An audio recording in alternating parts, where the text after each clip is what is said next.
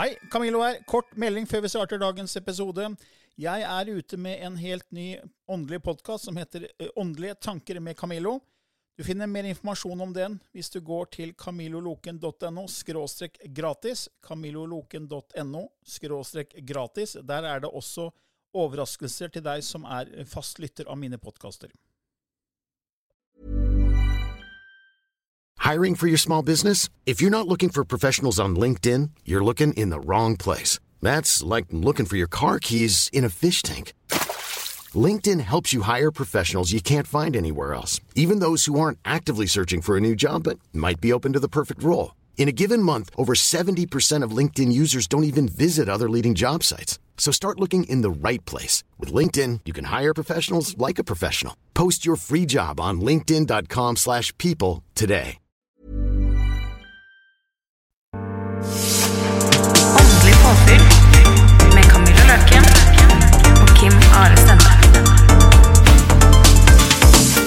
Hei og velkommen til en ny episode i Åndelig påfyll med Kim Arestende og Camillo Løken.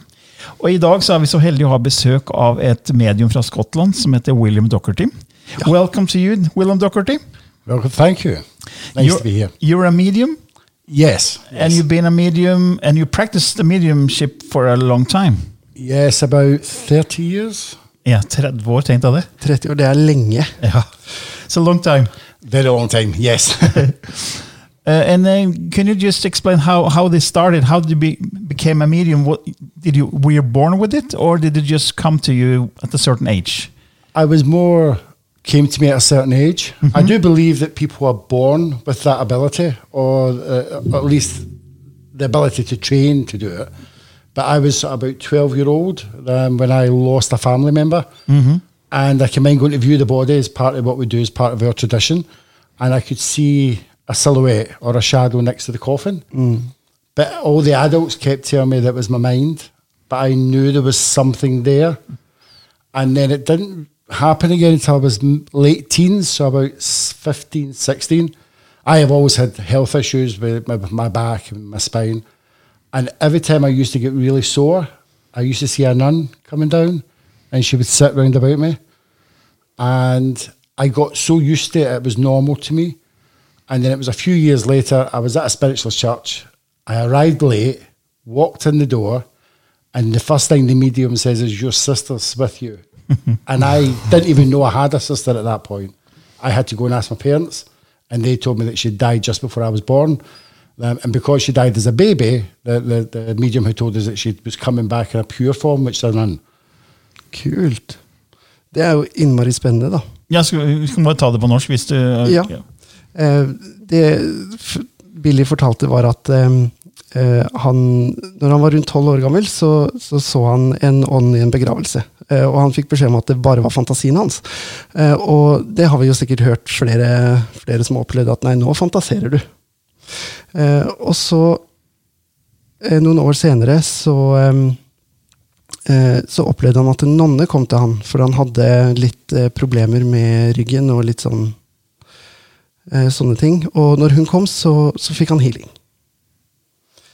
Eh, og enda litt senere så gikk han på en storseanse, eller en plattformsdemonstrasjon av mediumskap. da. Eh, hvor mediumet sier at eh, du, jeg har søsteren din her, søsteren din kommer på besøk til deg. Eh, og han sa nei, jeg har ikke noen, no, noen søster, jeg har, jeg har to brødre. Og mediumet gir Billy da beskjed om at eh, han skal spørre mor si. Eh, og da får han vite at eh, han hadde en søster som, som døde før han ble født. Og at nå har søsteren kommet tilbake som en ren form, og det var en nonne, da. I was, I was just translating some of the story you told. Yeah, that your sister came to protect you as a nun. Yes. Interesting. Yeah, it's really, it's really exciting. Eller det er veldig spennende. And since then, you start to, to work with, with as a medium. Did you start to help people to con- connect with the, with deceased, Yes, we started in Scotland. The spiritualist church was really strong. the spiritual church? Yes. Yeah. And we started going to this in the area where I stayed. We had five different spiritualist churches, so we used to go three or four times a week, and you got to know the mediums, and you got to know they were telling you about yourself and the things that was happening. Um, and then in Scotland, you're invited what they call to a circle, a development circle. Yeah. Um, but again, the, the churches turned out to be very cliquish. They're very their own groups. Yeah. and it was really hard to break into the groups. You have to come into the groups. Yeah. Yeah, and I'm very loud and I don't keep my thoughts to myself. And I got invited into a group, and for there we started to develop. Um, and when we start working with spirit, we start with colours. Colours is our first step in towards how we work, and colours is what I use now all the time. And that's very different from the Norwegian mm. way of doing it. Mm. So I, I find it quite exciting and interesting to see how intuition and clairvoyance and mediumship can work with such different mm. tools, and we still get the same results, right? We we still get our departed loved ones through and delivered both evidence and messages. Mm-hmm. And that's another thing that's very different from the Norwegian way of doing it and the Scottish way of doing it, is that you focus on the evidence while Yeah. we focus on the message of the, the the sitting. Our uh, our way of giving evidence is a lot shorter. It's supposed to go a lot faster. While in Scotland they focus on mainly on the evidence, don't you? Yes, yeah. Most people come for a reading, they're, they're desperate for the evidence. Mm, they want to see that They this is my loved ones coming yes, through. Yes, and I think I think like everywhere else in the world, you can be very regional. Yeah. So, for example, in Scotland, we tend to use a lot of names.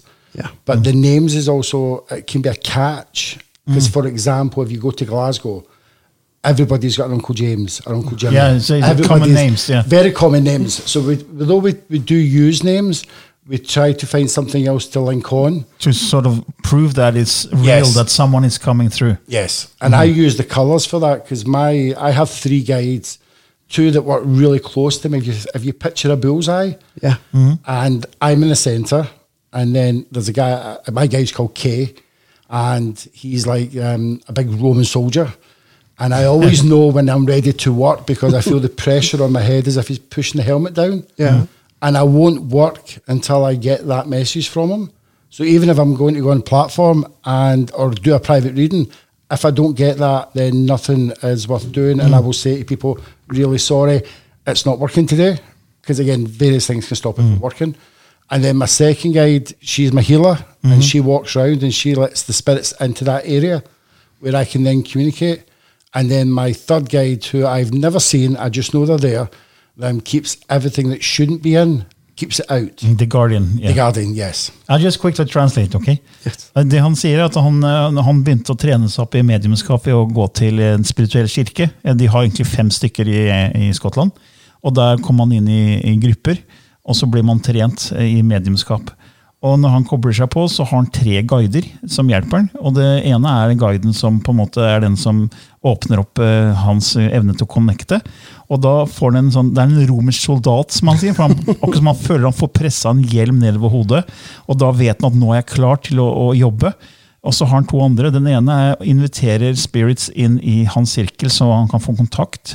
Og den, den tredje guiden er en som beskytter mot at eh, uønskede energier ikke kommer inn. da. Yes. Ja.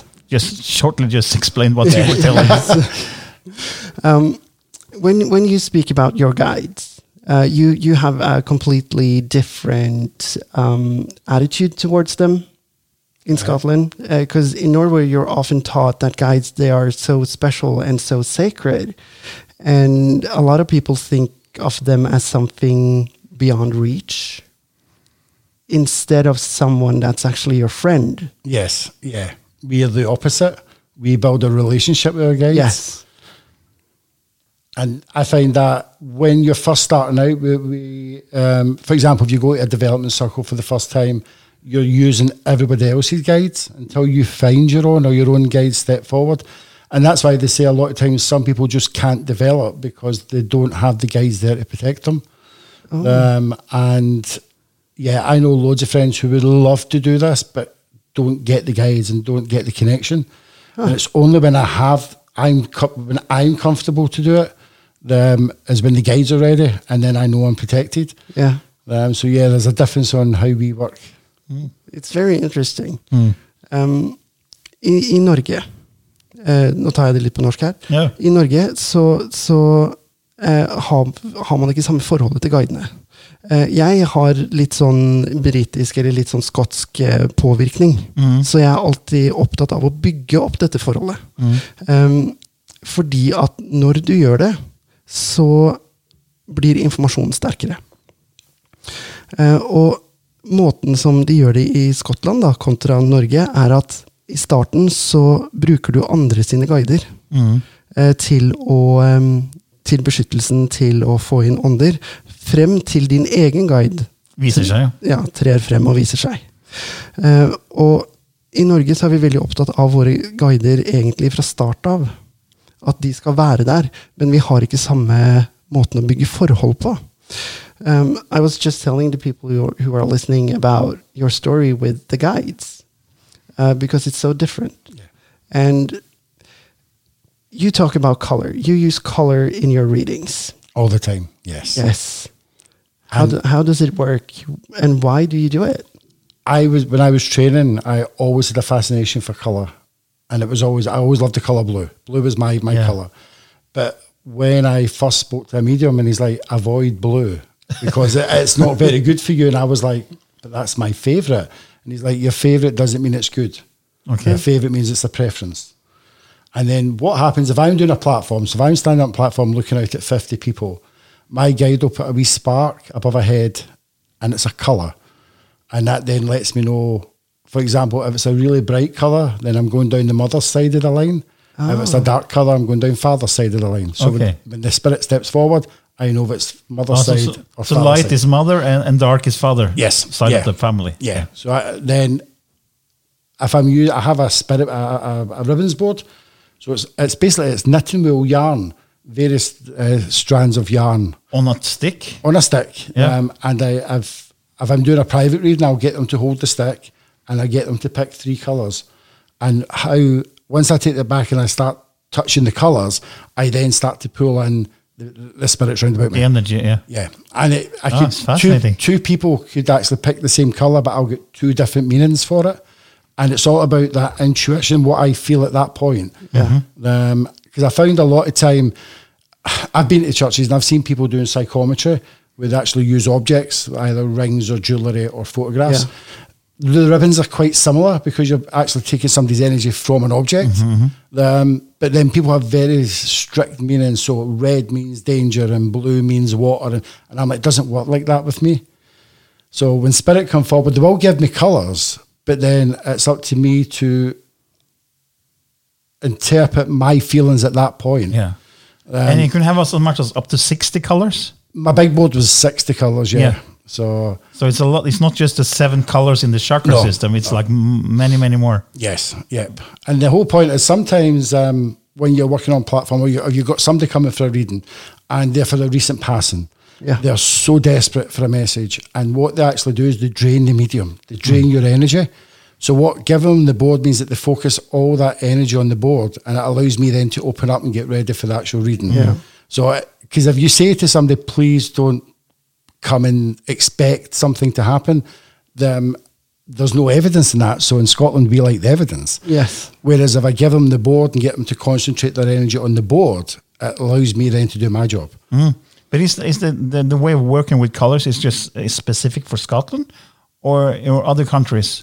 uh, No, to I, use act- I actually I picked it up from an American lady. Oh, Okay. really? She she was across doing um, one of the big psychic fairs. yeah. And she had a beautiful ribbons and it was it was it was silk ribbon she had and it was absolutely and I watched her working and Mm-hmm. I thought I see loads of colours and I wonder if I can work with my guides to pull those colours Oh, yeah. into the ribbons. So it's not a common thing in Scotland. It's just something that you do. Yes. Okay. Oh, that's very interesting. Yeah. Yeah. Cool. But you see colors as well when you do platforms and readings. yes. I see. There's o- I have one or two very specific colours that mean something. So, for example, if I see yellow round about somebody, it tells me where the pain is. Um, so I like I've seen me walking down the street and seen somebody walking up with a yellow knee, and I think, oh, their knee's really sore. um, but that, that's my preference colour for being healing. Um, But yeah, plus when we train new mediums, or when I used to do circles for training, we always got them to work with colours, and we used to get them, we used to give them the board and say, I want you just to pick a colour, just randomly pick a colour, and tell me your thought. and you link your thought to the color, and then eventually what happens is that that becomes your way of reading your own intuition at that time. Um, But yeah, I can. I I can switch it off now. I switched it off for a long time because I, had, I had mental health issues and I had a load of things went wrong in my life, and I switch things off. Yeah. And I stop seeing colour. It's only over the last few years again that it's re-established itself slowly. Um, and the colours, I can walk past people now and see colours. And sometimes it's really hard when you're standing and you're like, I really want to say something, but you know you can't. You don't want to invade somebody else's private space. The same as Kim Are, he also sees the aura colors all Yes. the time. You know, he's so it's the same thing. Yeah. He can he can turn it off. You can't turn it off. No, I can't turn it off at all. And as Billy says, it's really hard if you're standing like in a line for a grocery store and you see something and sh- you know keeping quiet about it. Yeah, you see someone with a color that might might be indicate pain or something. You Yes. can't tell them No. because you're invading their privacy. Yeah. Yes. You need to be respectful of other people as mm-hmm. well. Because even though I know what I see, a lot of people don't believe in what I see. Mm-hmm. Uh, and I don't want to force something on people that they don't want or mm-hmm. that they haven't asked for. To- uh, so it's about, you know, respecting people's mm-hmm. boundaries as well. The strange thing is when you say something before you realise you say it. Yes. I like you'll congratulate somebody for it, and then they'll go, "Why?" Then you explain it, then they're like, "What are you talking about?" and then they phone you two days later and say that happened, and you're Yes. like, "Right, okay." Um, so Yeah. sometimes even we get confused. Um, and I do a lot of studies. I'm, I'm studying. I just qualified as in, in psychology. I got my honours degree in Okay. psychology in 2021, and I'm now doing um, a bachelor of science uh, honours degree in sport and uh, fitness psychology. Okay. Um, and working with people who have sports injuries, I see loads of colours around about them. Mm-hmm. Um, but sometimes um, when your life's really busy, we miss the blur or we get blurred and we say stuff and then we think, and people say, like, I don't know about that. And then it happens. And so there, we're, we're human at the end of the day. We are human. We make mistakes. Um, but yeah, as I say, as Kim was saying, it's, it's about respecting people's beliefs and privacy. I never, I always say to people at the start uh, a, a, a, a platform or a private reading, it's not my job to prove what's right or wrong. Um, I can only give you what I can give you, and then you take that. And you see what, what if it's harmonizing with you or not. Yes. Yeah. that- If it does it feel right or does it not feel right? Yes. It's not up to the medium to prove. No. It's you have to look at what we give Mm-hmm. and if it's evidence for you. Mm-hmm. That's how it works. And on platform, uh, I think the biggest platform I did, there was 3,000 people in the auditorium. Oh wow. Um, it was a big charity do. Um, there was mediums running for 12 hours. So you were doing 20 minutes and then you were coming off and getting a break. And then you were doing some private readings. And the private readings was, it was all supporting a children's charity. Um, and I can mind every time my guide, they went right to the back. And I mind saying, oh, come on, please. get somebody closer. To, because I, I used to get somebody to run up and give them the ribbons board so they could just hold the board and pick a colour. um, but yeah, as I say, I got to the point where when I went on the third time, nothing was happening. And it's about being honest. Yes. And it's about saying to people, I'm really sorry I'm standing. I'm looking at the other mediums going, can somebody please take over? Because I'm getting nothing. I, for some reason, they've pulled back. And then I think the 10 minutes later, I was back on stage. It was working. And again, it's about building that rapport. Although you don't become friends with the people you read for, but you have to have an honest rapport with them. You have to be honest, yeah. So when you don't get anything, you don't get anything, and then you have to Yeah. say that. Yes. Yes. And, and I think that's very important. Yes. Det, det Billy sa, er dette her med å være ærlig. At hvis det ikke funker, så funker det ikke, og da må man si at nei, sorry, det funker ikke. Eh, og, uh, og på en måte ha en ærlig uh, kommunikasjon med, med den du leser for, eller den som Ja. mottar. Ja, og det han også sagt, han, han bruker farver da. Han bruker farver når han jobber. Så han har hatt en sånn type pinne med opptil 60 farger på. eh, Ja. En type garn som han surrer rundt pinnen. Ja. Og så ber han da klienten om å velge en farge. Og når den klienten velger den fargen, så får han en kobling som han kan jobbe ut fra. Hva hans intuisjon snakker om rundt den fargen. da. ja. Også når han er på seanser og store plattformer. Så han har hatt én plattform hvor det var 3000 mennesker. Det er mange mennesker. Ja, og Da kommer guidene igjennom, og så ser han lys over hodene til Eller en farve over hodene til klientene, og da vet han han skal, hvor han skal gå inn i salen. Ja. Just talking about how you work with colors and how Yes. you see colors above the, the people's heads, and, and you know how, how to sort of work from that. So just explaining that to the people listening. Yes. Eh, Det er jo første gang vi har med oss eh, en som snakker engelsk. ja. Eh, Så, så, så jeg håper vi gjør en grei jobb med å oversette Ja, litt. Vi vet jo ikke om alle forstår alt som blir sagt, eller om noen ikke forstår noen ting, så vi ja, velger å gjøre en kombi. Ja. Snakke litt engelsk og litt norsk. Ja. Um, when you work with people, uh, when you do private readings, uh, not big platforms, how many readings do you actually do? Like in a day? Mm, that's a good point. Um, it depends. I never put a limit on it because sometimes a reading can be five minutes. Yeah. Sometimes a reading can be two hours, depending on what the person needs and what's coming through. Um, when I, people used to book me, I always say, don't give me any more than four people. So we would maybe start about four in the afternoon, and I've seen me still being there at midnight, still working because the the spirits that are coming through, and until I learned to work with them, I used to just accept everything, mm-hmm. and then re- uh, uh I mean, a, a, a reading could last two hours, and mm-hmm. I would be so drained. Yeah. Yeah. And then, so what I end up doing is I, I sort of come to this, if you want, an agreement with the guides. Um, that maybe one or two once once the person's latched onto what they need, and I know that they're getting evidence, then we start to pull back. Mm. Because yeah, we- we'll talk about things that's going to happen. We'll talk about things that's happening around about them. We'll give them the proof of the people that's passed over. Um, but you do get those people who want pages and pages of evidence. Yeah. Yeah. And it's my guides now the, the block it. Um, Yeah. There comes a point where I just start to close down. Yeah. Um, and what start what's really strange because it's like a, it's like watching a sunset. I, I, I just see the colour going and vanishing yeah. behind the hills, and then I know it's time to bring it down. No, okay, nice. Uh, and it's the same on platform because I know I've only got a few minutes with each person. Yes. Um, and what I do is the guys will only because you get, to be honest, sometimes what happens is you get so much information Yeah. and you're trying to sift through it to find something that's tangible.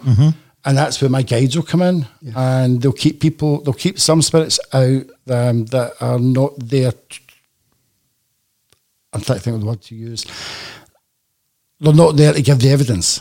Because everybody can come in and say, I could say, oh, you have a great grandmother in spirit.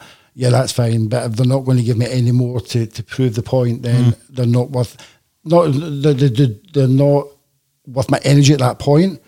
If you're doing platform, because sometimes we always aim, if I'm on for half an hour, we always aim to get six people within the half an hour. Um, just enough to give them enough. Uh, um, but what sometimes happens is, um, if you watch me on platform, I always look back because I, I don't physically hear a voice, but I hear it in my head. Yeah. And he's right back there.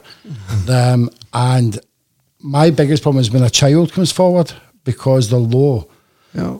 and it's it's not the first time I've actually got on my knees on platform and people are like, "What you doing?" And I'm like, "Because I can't pick this child up," and it's like, yeah. Um, but I I think churches all over. I spoke to people in America and people, especially in Canada. I've got family in Canada who go to the spiritual church, and they all work so different Yes. Yeah. they're really sort of. I mean, I know in in, in England and Wales there's a law uh, that's it used to be called the Witchcraft Act, and they changed it to the Fraudulent Mediums Act in 1951 or something. Um, and technically, you can't be charged under it unless the prosecutor or fiscal deems that you were being malicious Yeah. with, with, with it. Oh, yeah. Um, but when I talk to people from around the world who do different things in churches, some of them don't do prayers. Some of them don't base it on religion at all. It's um, so again, it's very in Scotland. It's, it's very, it's like a new religion, and it's they're following an old religion. So they're doing prayers, they're doing hymns, they're Yeah. doing addresses. I don't know enough in life to stand up to preach to somebody, so I don't like doing addresses. Um, and it's yeah, I just think I'm there for, to do a job. I don't need all the fluffy bits around it. Yeah. And sometimes I think the fluffy bits which confuses people. Mm-hmm. Yeah. Yeah, yeah, I get that. I get that. Uh, it sometimes can be a bit too much. Yes. Yeah. Mm-hmm. Mm-hmm. Yeah. But you're saying you're here. Ja, der ble det dessverre et Imagine the softest sheets you've ever felt. Now imagine them getting even softer over time. That's what you'll feel with Bowl and Branch's organic cotton sheets. In a recent customer survey, 96% replied that Bowl and Branch sheets get softer with every wash. Start getting your best night's sleep in these sheets that get softer and softer for years to come. Try their sheets with a 30-night guarantee. Plus, get 15% off your first order at bowlandbranch.com. Code BUTTERY. Exclusions apply. See site for details.